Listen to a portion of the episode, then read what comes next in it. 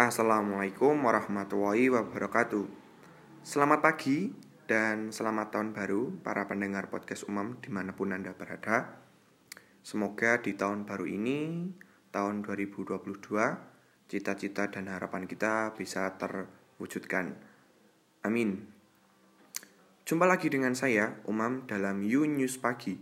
Sejumlah berita hangat telah saya siapkan untuk Anda pagi ini. Dan langsung saja untuk informasi pertama mengenai bencana alam.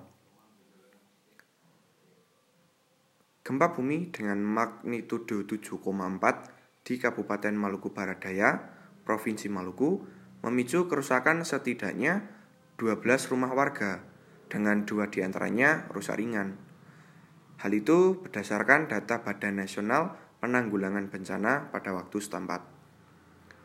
Abdul Muhari, selaku pelaksana tugas Kepala Pusat Data Informasi dan Komunikasi Kebencanaan BNPB mengatakan bahwa rumah rusak sebanyak dua unit dengan kategori rusak ringan.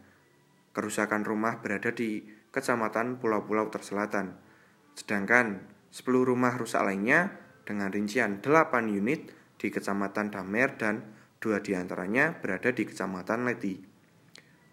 Badan Penanggulangan Bencana Daerah BPBD M BD belum merinci tingkat kerusakan 10 rumah tersebut.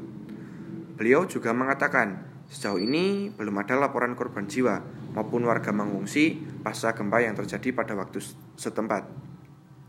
Meski begitu, Abdul meminta masyarakat untuk tetap waspada dan siap siaga terhadap potensi bahaya gempa maupun tsunami, dikarenakan gempa bumi dapat terjadi setiap saat tanpa adanya peringatan sebelumnya.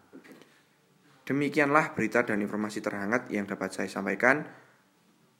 Untuk itu, selamat pagi dan selamat beraktivitas. Wassalamualaikum warahmatullahi wabarakatuh.